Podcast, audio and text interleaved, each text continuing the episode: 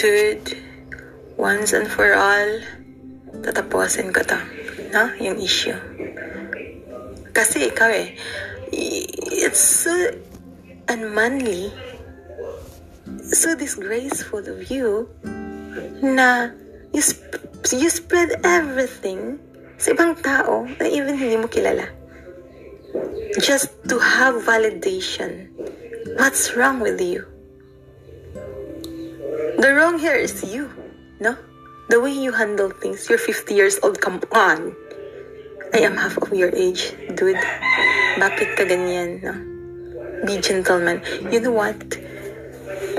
Before ha, okay, let's start this ha. Ito, lahat ng katotohanan ha. Gusto mo, okay? Gusto mo, di ba? You started this. Tatapusin ko lang. Tatapusin natin to. You're old enough. Tatapusin mo. Hindi ka na nahiya. Spreading that mga messages sa lahat-lahat ng tao dyan.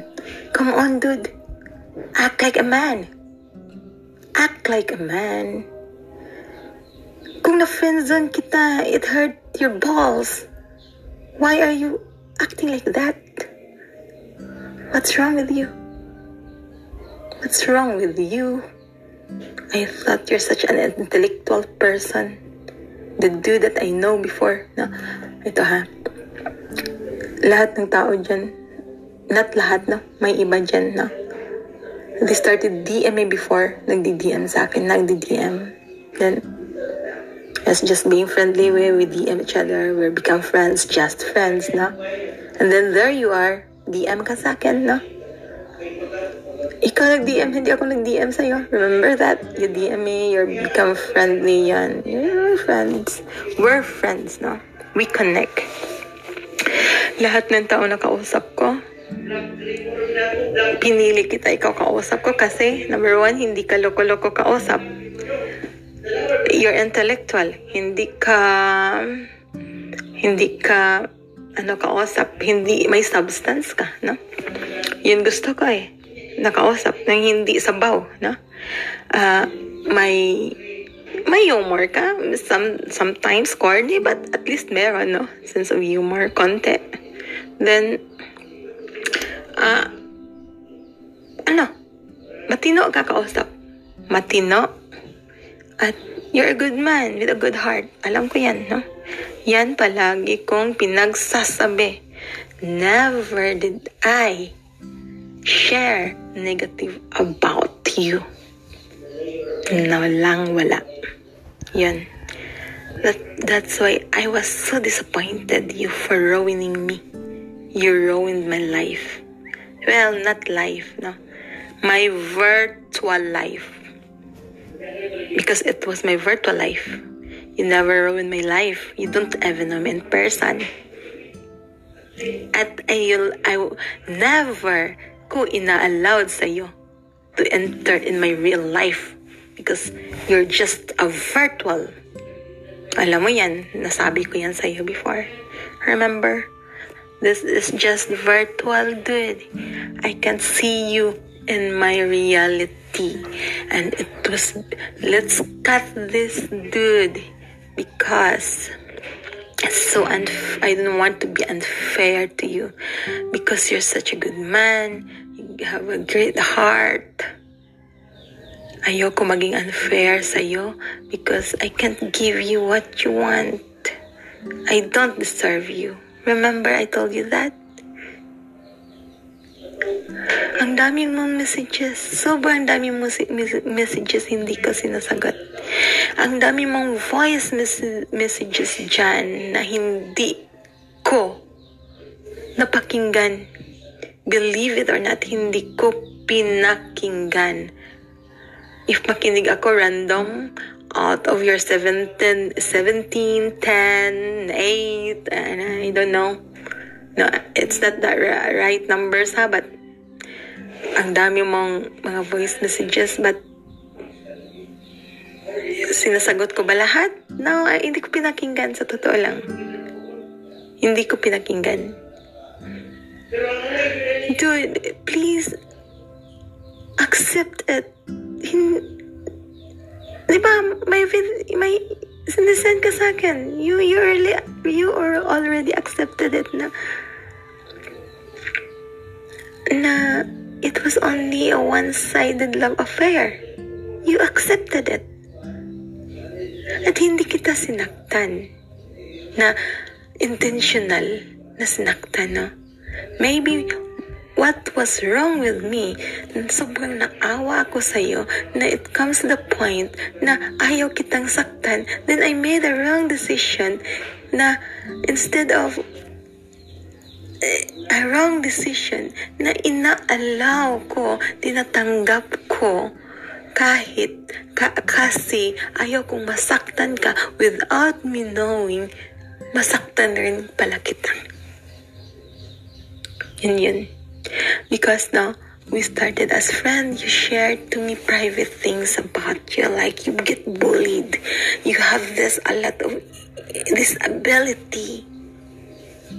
You have problem with your physical features.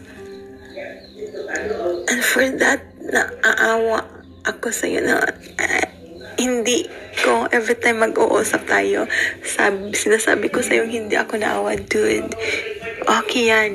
Because I tried to lift you up, to encourage you, not to discourage, not to feel so low about yourself.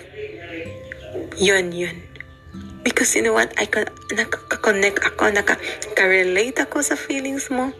Because I've been through, I've been, I've, I've been through depression and young depression as nasabi ko, my family knows everything about it. Because na-hospitalized ako for two weeks for that and I, I've undergone therapist, spiritual healing for that. I was struggling for almost two years to recover. Yan ang experience ko. That's why ayoko, sobrang awa ako sa iyo kasi at natatakot ako na kung na mafe-feel mo yung nararanasan ko before mararanasan mo. Naintindihan ko kung gaano. Kaya, the problem to me, nahihirapan ako to say no to you. Kasi natatakot ako baka yung experience ko ma-experience mo. Kasi you're vulnerable. Sinabi mo iniwan ka ng girlfriend mo. Nasasaktan ka, depressed ka. Yung weakness ko eh. Pag may tao na sasabi depressed ako, I'm sad ganon. Yun ako. Kasi takot ako na yung feelings ko mafe-feel sa iba. This is a heart-to-heart talk, dude.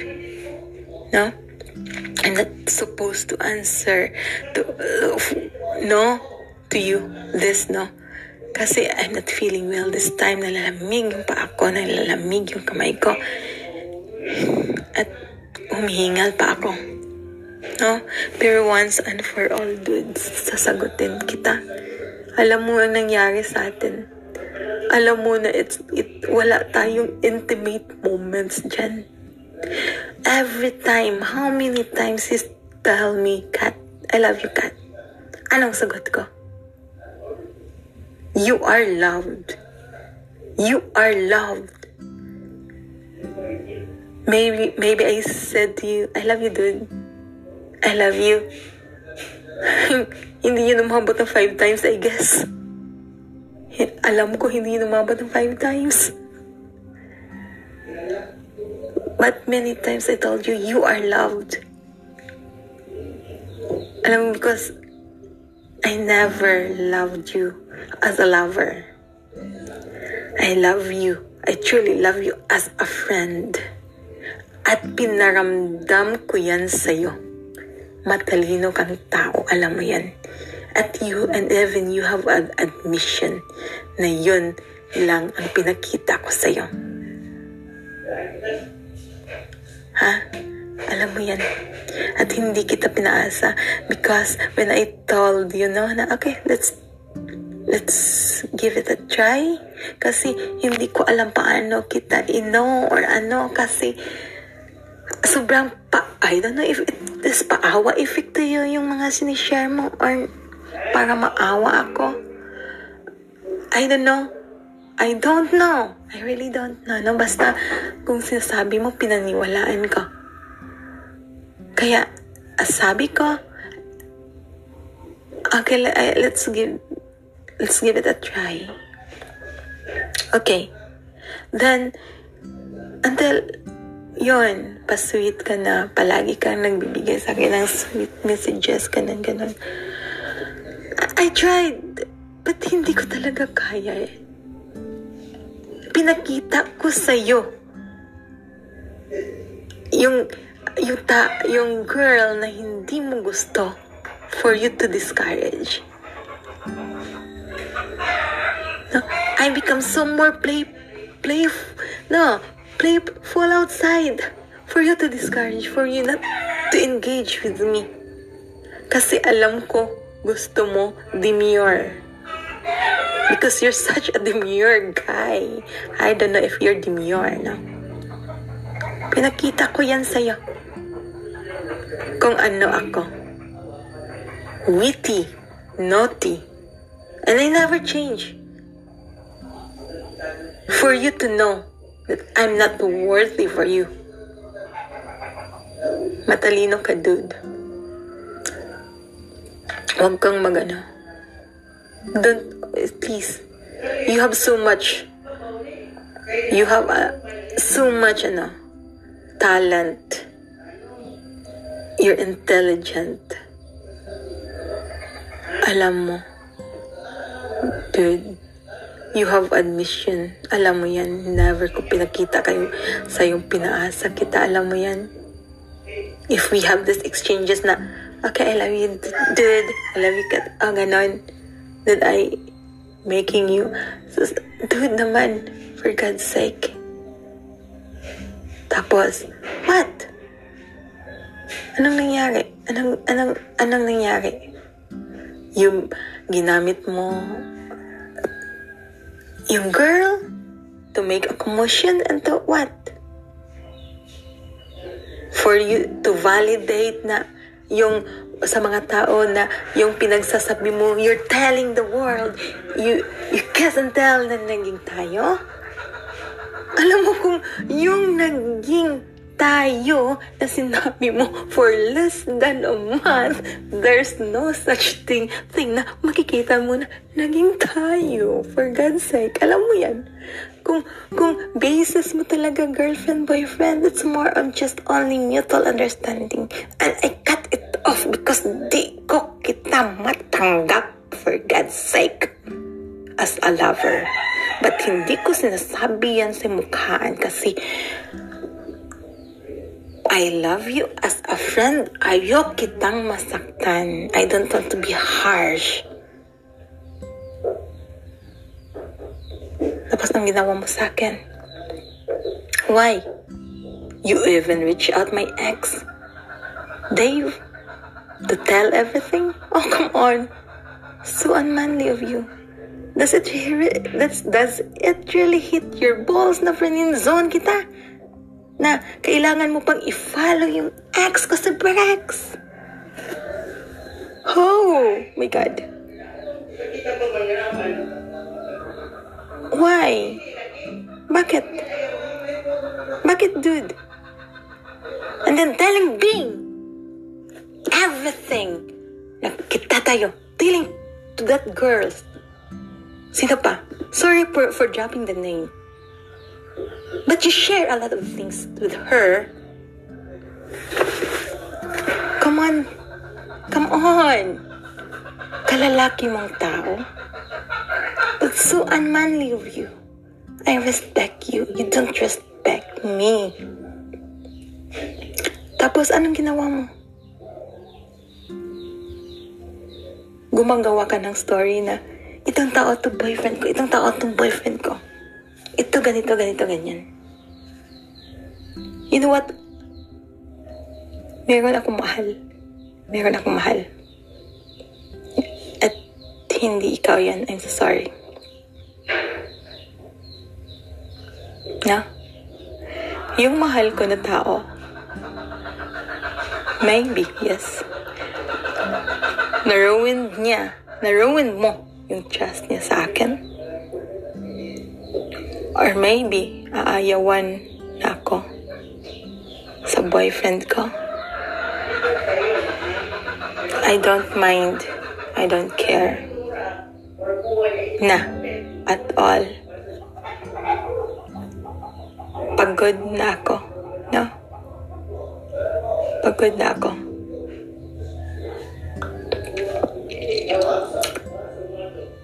Doon ko makikita gaano ako, kung mahal ba ako ng taong minahal ko. O kung bibitiwan niya lang ako because of your nonsense. Yan. Remember, I never ever love you. Never.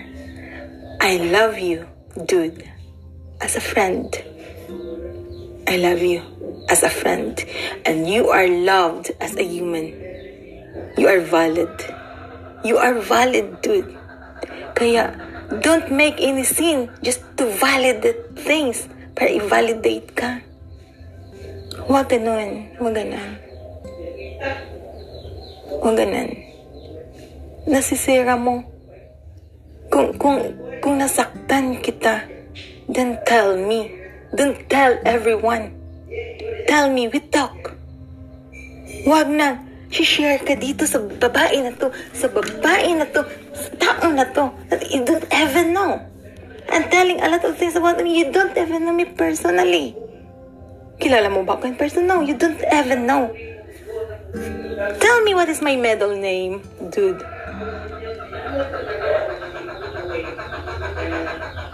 Alam mo bang linkian ko? Hindi. No. Because, you know, I told you, Twitter is just only my playground. How many times I've told you that? Hindi ko yan, hindi ko yan sinasabi sa'yo na, dude, you're part of, you'll be part of my reality, ganon. No. Reality, as a friend, yes, I treat you as a friend in real life. Kaya wag ganon. Wag keep on kiss and telling there na ganon, ganon, ganon.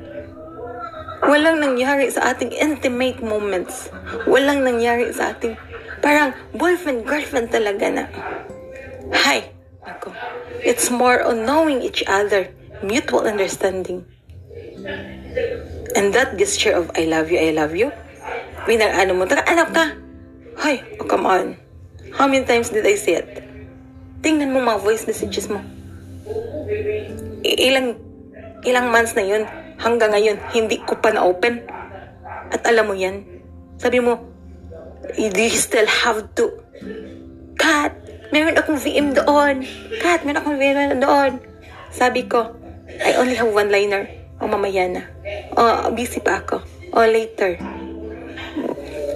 Then, punta ako doon. Okay, thank you for the message. But I never heard you. I never listened. Matalino ka. Alam mo kung pinakinggan ka o hindi. Minsan, because I treat you as a friend, no? Minsan, nagkukonsensya ako. I'm sorry.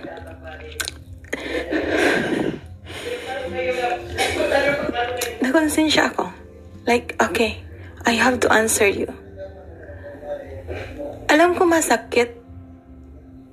The problem to me, I can tell you directly na, wag na dude.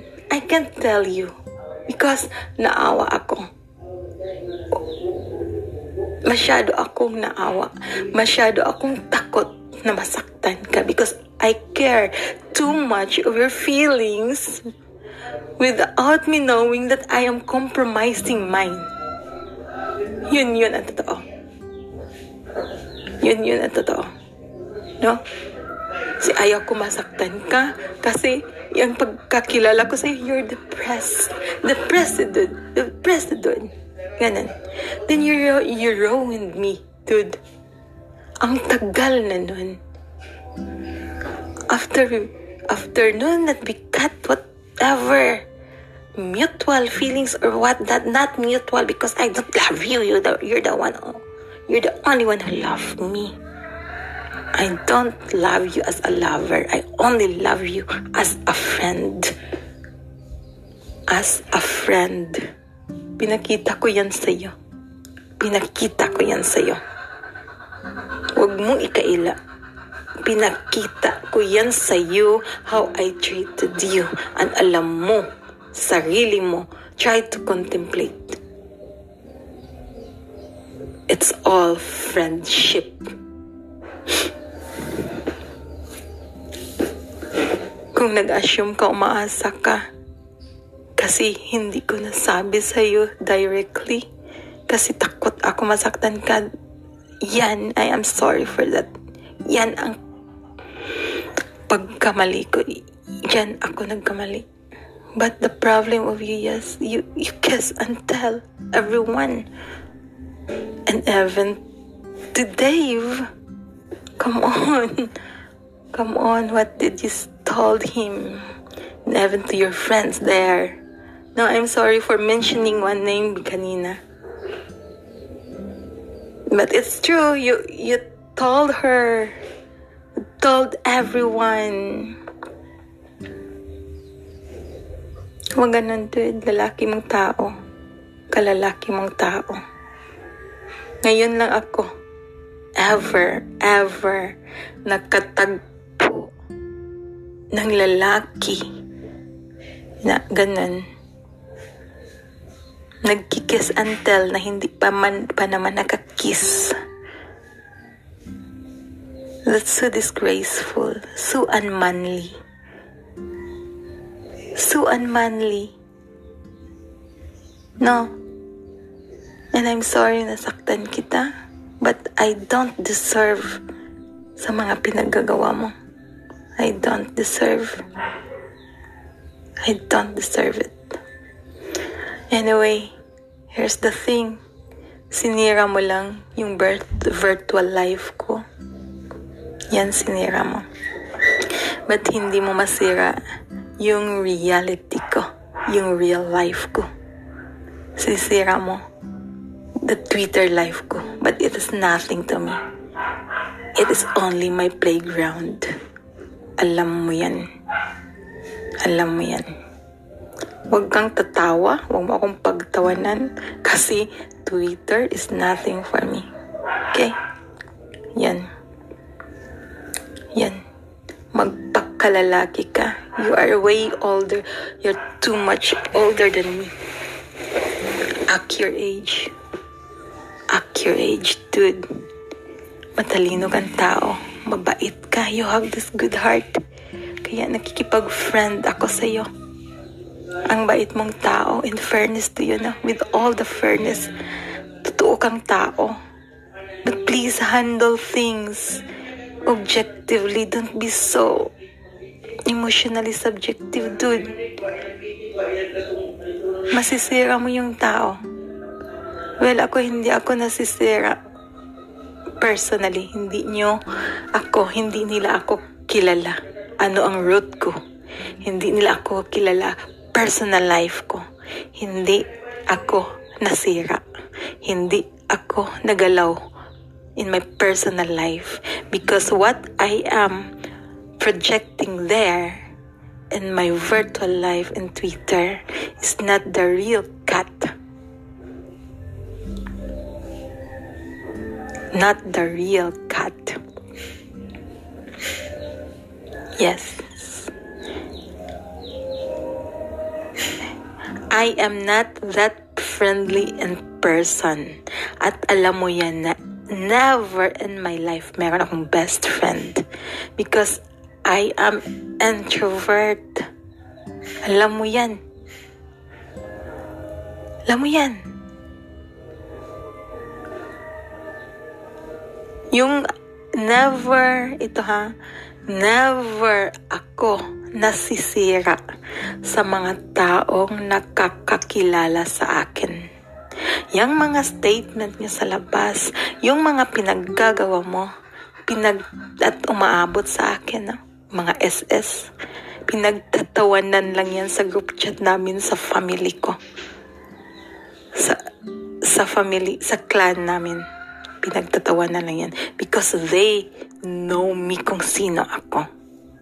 Kaya, wag kang, ano dyan, because wala kang nagalaw for me personally. You know what? And by the way, to clarify things na, baka akala mo kasi, natalo mo ako, na-ruined mo ako because of my health condition. Na.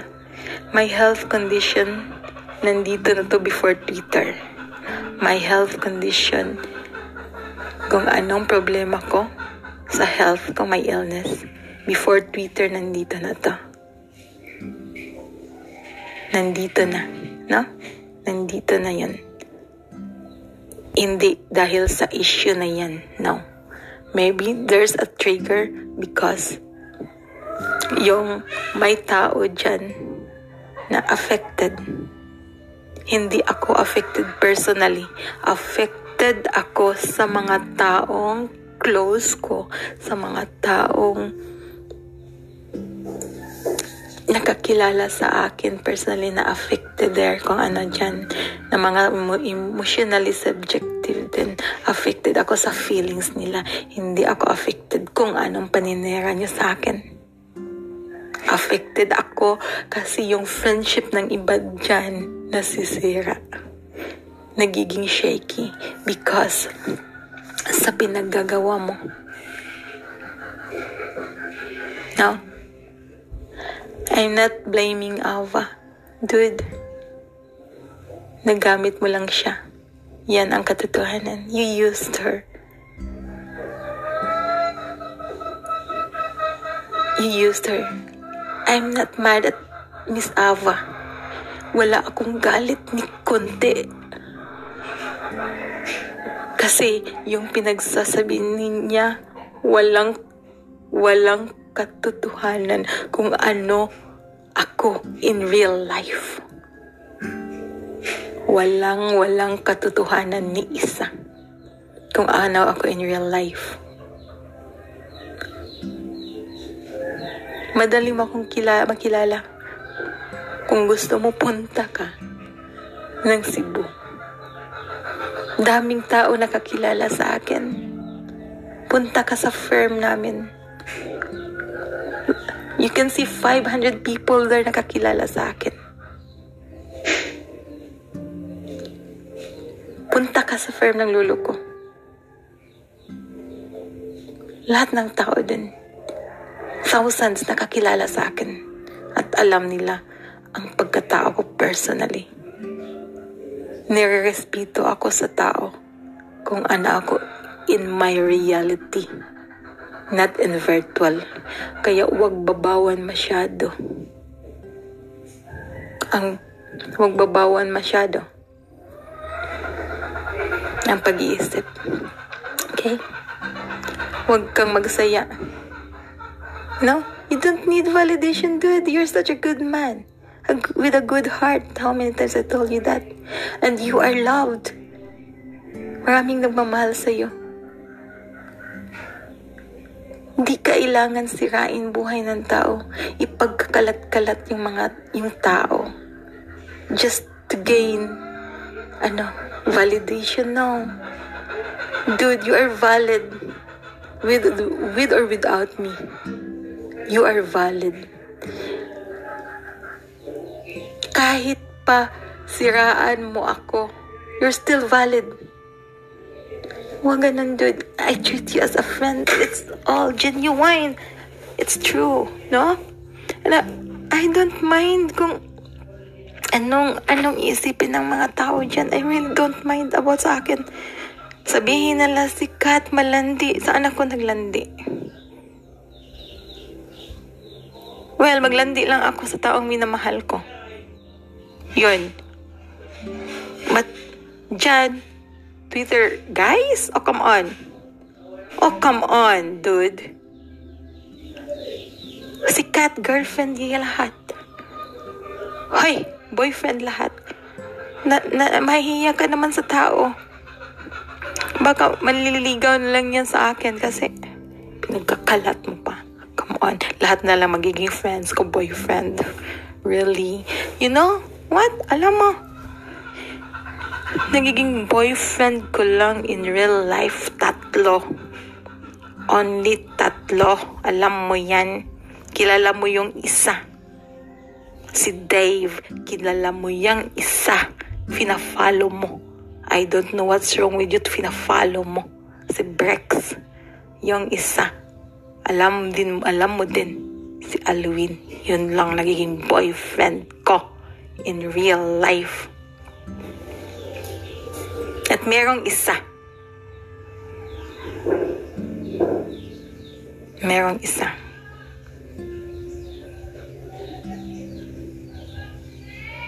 Present ngayon.